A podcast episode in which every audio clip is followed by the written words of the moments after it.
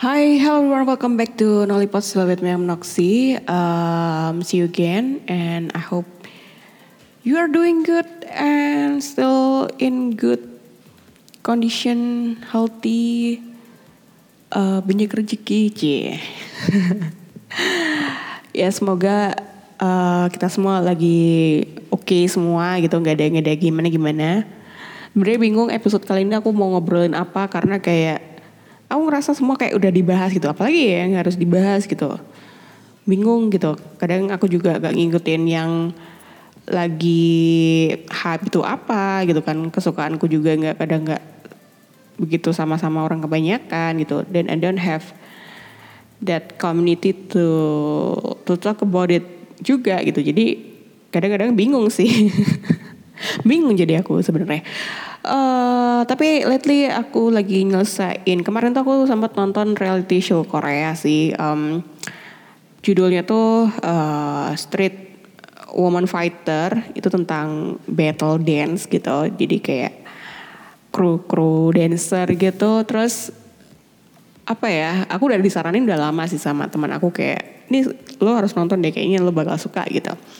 Terus akhirnya kayak baru dapat momen dan aku pengen ah nonton apa lagi ya yang harus aku tonton gitu.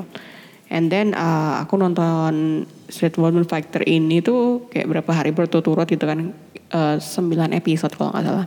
Tapi ada kayak uh, yang utamanya 9 episode ini gitu, yang yang kompetisinya. Jadi itu uh, ya kalau pengen nonton nonton aja sih, soalnya kayak apa ya sebagai feminis abal-abal. Nggak nggak feminis juga sih sebenarnya. Kayak uh, I feel like woman power is matter gitu kayak you will be amazed with with that apa ya with those woman tuh kayak gila kayak mereka tuh keren banget gitu. Jadi ada kayak uh, ada momen di mana itu dulu aku suka banget kan kayak nonton step up gitu nonton nonton pakai bring it on gitu. Terus dulu sempat kepikiran sih dia dulu ya namanya dulu. Uh, pengen masuk dance cheers gitu kan.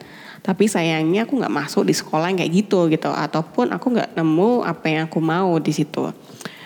Uh, sempat aku dulu tuh semester berapa ya dulu? Semester awal semester pertama dulu aku sempat ikut crew dance-nya di kampus gitu. Uh, ikut break dance pasti dia menyangka ya aku ikut break dance entah aku pernah cerita apa enggak tapi dulu aku sempat ikut break dance itu uh, cuma berapa bulan doang karena uh, apa ya dulu ya dulu masalah latihan terus masalah uh, yang paling sulit itu tuh sih kayak latihannya tuh uh, harus rutin karena dulu cuma kayak ada kayak seminggu sekali kalau nggak salah. Seminggu sekali kemudian uh, apa ya dulu masih kita nggak punya tempat khusus gitu. Kita dulu masih kayak apa ya klub liar lah ya di kampus gitu ya. Soalnya di organisasi di kampus belum ada gitu. Akhirnya itu aku termasuk orang-orang yang pertama lah yang direkrut gitu.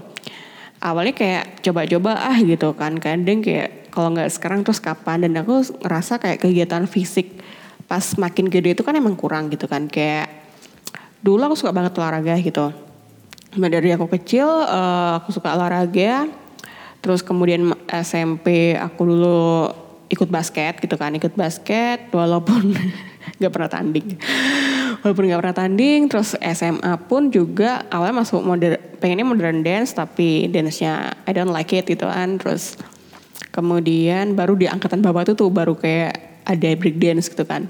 Tapi angkatan gue itu kayaknya sexy dancer kinda gitu kan. Terus kemudian and ya aku nggak mau jelasin lah ya pokoknya it's really bad cheerleaders nggak ada. Terus akhirnya yaudah tetap tetap basket. Lagi-lagi tuh basket tuh, tuh kayaknya aku memang literally underdog. Kayak uh, ini um, apa ya aku tuh suka playing gitu for fun not for competition competition deh kayaknya. Kayak jadi tuh aku ngerasa tuh ya mampu-mampu aja gak suruh uh, masukin bola kering itu is easy gitu. Tapi kalau disuruh untuk teknik, untuk layup, untuk harus kerja sama tim dan segala macam itu kadang aku apa ya semangatku kurang dibobok dengan baik kayaknya apalagi dulu sempat uh, punya pelatih basket yang super annoying gitu dan kayak what the fuck banget deh gitu kan kayak uh, apa ya pilih-pilih gitu. Ya aku tahu sih emang kemampuan gue emang segini-segini aja gitu kan. But it doesn't mean you do apa ya unfair gitu. Kayak jadi itu sempat aku kelas 1 SMA itu. Aku inget banget ini soalnya aku sebel. Jadi satu kelas 1 SMA itu kan suruh milih school gitu. Schoolnya akhirnya kayak aku pilih basket karena kayak ya I know the basic terus kemudian aku suka ya udah sih gitu kan ya tapi aku emang nggak punya uh, bola basket saat itu. Tapi ya udah ngandelin di sekolah aja gitu. Nah at that time itu emang ada kayak kayak placement test gitu kan. Mungkin ngukur uh, seberapa kita mampu di main basket gitu kan. Uh, ya tes layup lah paling gampang gitu. Ya aku tahu emang layup adalah kekuranganku di situ kan. Kalau untuk shoot yang gimana gimana untuk atau jadi point guard mungkin aku bisa gitu kan. Terus kemudian uh, aku, banyak tuh yang ikut basket cewek-cewek. Terus kemudian tiba-tiba cuma yang dilatih itu yang cuma pinter doang yang kita disuruh dribble bola sam, katanya cuma setengah jam. Eh sampai satu jam lebih nggak ada kabar lagi.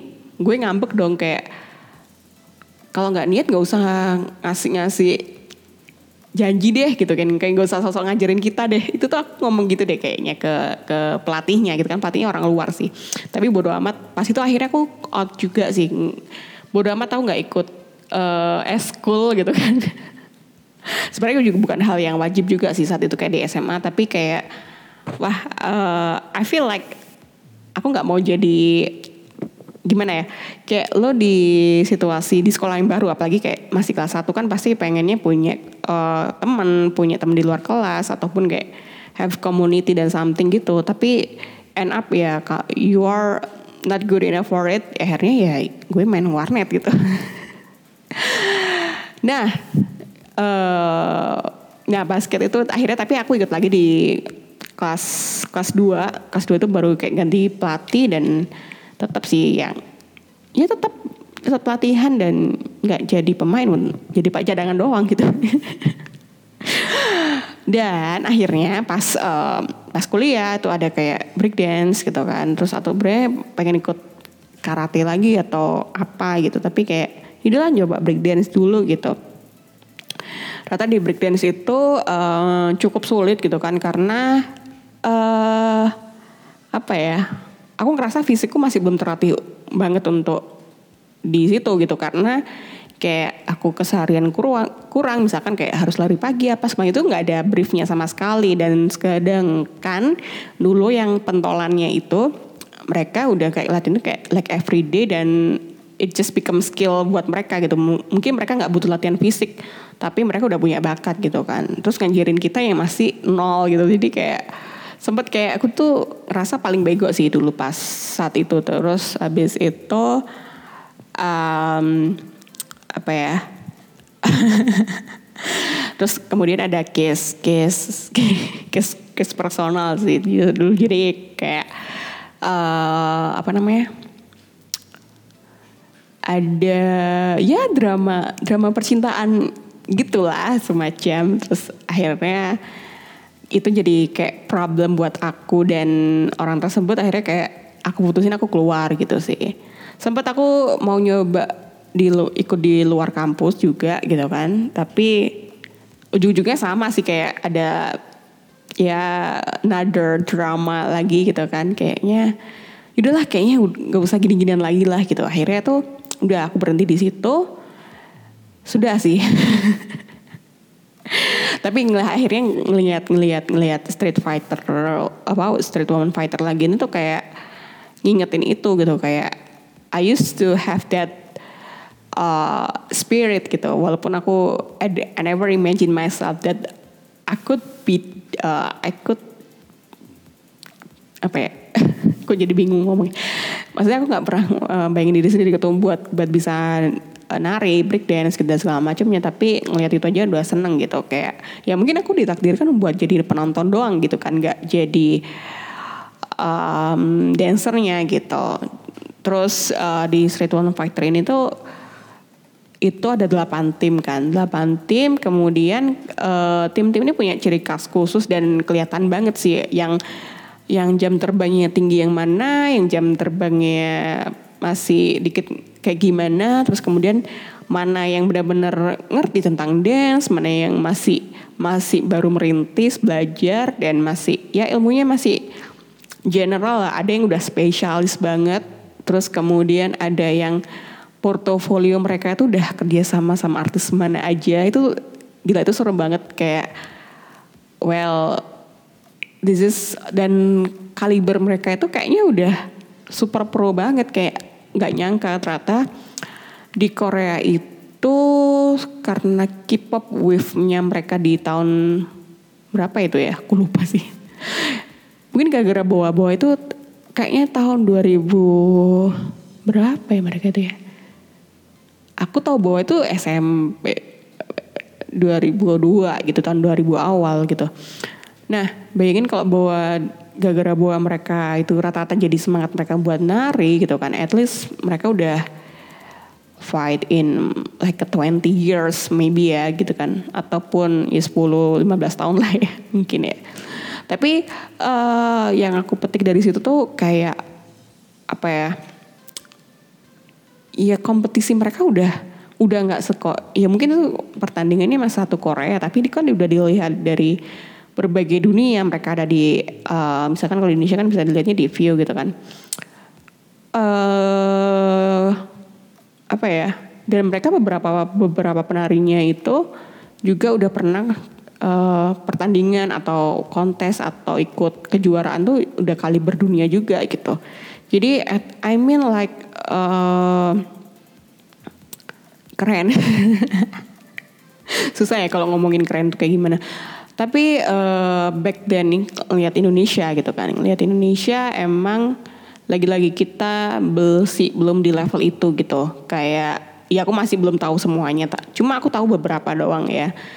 Uh, karena demand sih lagi-lagi demand dan dan environmentnya juga dan apa ya having stability job as a artist I mean artist in artis sesungguhnya pekerja seni gitu. Itu emang belum terwadai. Kita kan masih fokus sama penyanyi sama pemain sinetron. Tapi kita uh, belum bisa fokus sama eh, aspek-aspek lain gitu. Kayak penari ini akhirnya tuh kayak be star banget gitu. Kadang kita ngelihatnya kan penari itu kan pasti di belakang di belakang si penyanyi gitu kan. Tapi uh, at this time you will find out that they are star gitu. Kayak wow mereka super cool super keren dan kayak apalagi kayak kamu ngeliat biasanya Korea kan kayak terlalu sempurna gitu sedangkan mereka tuh unik banget kayak uh, personality mereka cara dance mereka terus uh, how to communicate their style dengan nari itu kayak hit something different banget gitu dan I like it so much. Dulu tuh aku sempet ikutin tuh adalah di kalau di YouTube tuh One Million kan. Si Lia Kim itu sama beberapa yang lain dan akhirnya mereka ada yang buka studio sendiri kan. Tapi dari situ tuh kayak apa ya jadi big inspiration gitu. Kayak mereka pernah bikin apa ya semacam fan meeting juga kayak di Indonesia. Terus kayak kemarin ada event online juga gitu. Dan aku ngeliat sekarang pun Thailand kan yang sangat sangat mengacunya Korea banget kan juga udah mulai nyiapin itu walaupun mungkin nggak sebanyak segimana sama Korea tapi mereka udah punya sanggar tari itu udah banyak banget dan kayak kru penari dan segala macam mungkin udah disiapin juga gitu sama dan orang-orang di bidang entertainment lainnya gitu. Ya kadang I hope I hope that it will be happen in Indonesia gitu. Uh, walaupun itu akan lama banget. Terus aku kemarin kan aku dengerin dengerin podcastnya uh, ini podcast awal minggunya si Adriano Colby gitu kan. Uh, I just realize something gitu kayak kenapa uh, musik musik barat gitu musik barat tuh susah susah untuk relate sama kita karena ya uh, that culture uh, itu awalnya itu bermula dari orang-orang borju gitu. Jadi how we can relate at sebenarnya gini kayak kita tahu culture hip hop kan keras jalanan dan segala macam tapi itu kan di misalnya di US gitu. Tapi di sama di Indo kan sama orang-orang yang tahu bahasa Inggris gitu. Dan orang tahu bahasa Inggris pasti orang-orang yang kebanyakan orang yang punya akses dan privilege gitu. Sedangkan mereka misalkan untuk having that that community to build uh, kayak hip hop di Indonesia itu pasti kan it mean have to relate dah relate mereka adalah realita yang yang little bit upper class gitu jadinya. I'm so sorry misalkan ada yang tersinggungnya tapi kayak it makes sense gitu akhirnya kayak emang Indonesia masih belum belum bisa di level itu karena ya itu hanya relate pada orang-orang tertentu aja gitu. Sedangkan mungkin Indonesia akan bisa punya budaya kayak gitu ya karena eh hanya karena musik dangdut. Karena musik dangdut itu menurutku adalah another hip hop level of Indonesia gitu. Jadi kayak dangdut kan lo tau sendiri kan kayak misal uh, zaman dulu kan era-era kita SMS tuh gitu kan. Terus cepet tuh ada lagunya. Uh, terus misalkan ada apa gitu yang viral gitu kata-kata yang viral. Terus ada tuh model lagunya dibikin gitu kan. Entahpun itu ada rekor-rekor indie yang legal, yang ilegal dan segala macamnya atau musik-musik yang daur ulang dan segala macam. Tapi itu semua jadi kayak menyentuh dan relatable sama most of people gitu ya, di Indonesia gitu. Jadi I just knew gitu kan kayak aku aku mengapresiasi mengapresiasi sekali apabila misalkan dan itu menjadi biggest industri dan yang jadi daya tarik tersendiri sih harusnya gitu ke depannya. Sebenarnya ini harusnya aku obrolin di di Nolikes ya, tapi entah mengapa emang uh, aku pengen ngobrolin di sini karena kayak ya aku nggak not not not not brave enough to make it as a video gitu kayak ah pasti orang-orang bakalan komen ah sotoy lu apal sih lu masa nih gitu-gitu kan. Nah sedangkan coward juga ya aku ngomong di podcast ya karena emang podcast kalian kasih bisa feedback aku pasti ke sosmed aku gitu. Jadinya ya ya udah bisa ngomongin di sini doang karena aku rasa feel safe and valid aja di sini gitu. Hah, begitu sih. Jadi I have big hope uh, Indonesia will be kinda apa ya one day kita punya idol sendiri lah kita nggak punya kita nggak harus demam demam yang lain-lain gitu. Ya sebenarnya kita tuh punya potensi tuh gede banget cuma ya lagi-lagi kadang kita harus dealing with with with many people gitu. Padahal kita nggak bisa pleasing everyone juga gitu ya aku sendiri juga suka Thailand gitu. Ya udahlah ya gitu. Kadang-kadang bisa jadi emang kita nggak bisa jadi kreator tapi bisa jadi follower gitu. Ya bisa dimaklumi juga gitu kan. Kayak sekarang apa apa pun mau Thailand mau Korea kalau pengen hypesnya gede viral ya manfaatin orang Indonesia karena banyak penduduknya dan kita sangat sangat into banget sama sosial media gitu. Ya kita lebih banyak dimanfaatin sih untuk hal kayak gitu so ah mungkin itu aja kali ya. Well maybe if you not enjoy it just give it. Karena ya yeah, this is another side of me to to talk about my interest gitu kan. Banyak sih interest aku sampai bingung. Makanya aku bilang I do a lot of things and just me in my team gitu. Udahlah gitu aja. Uh, cukup narsisnya dan I hope you enjoy this episode and see you. Bye.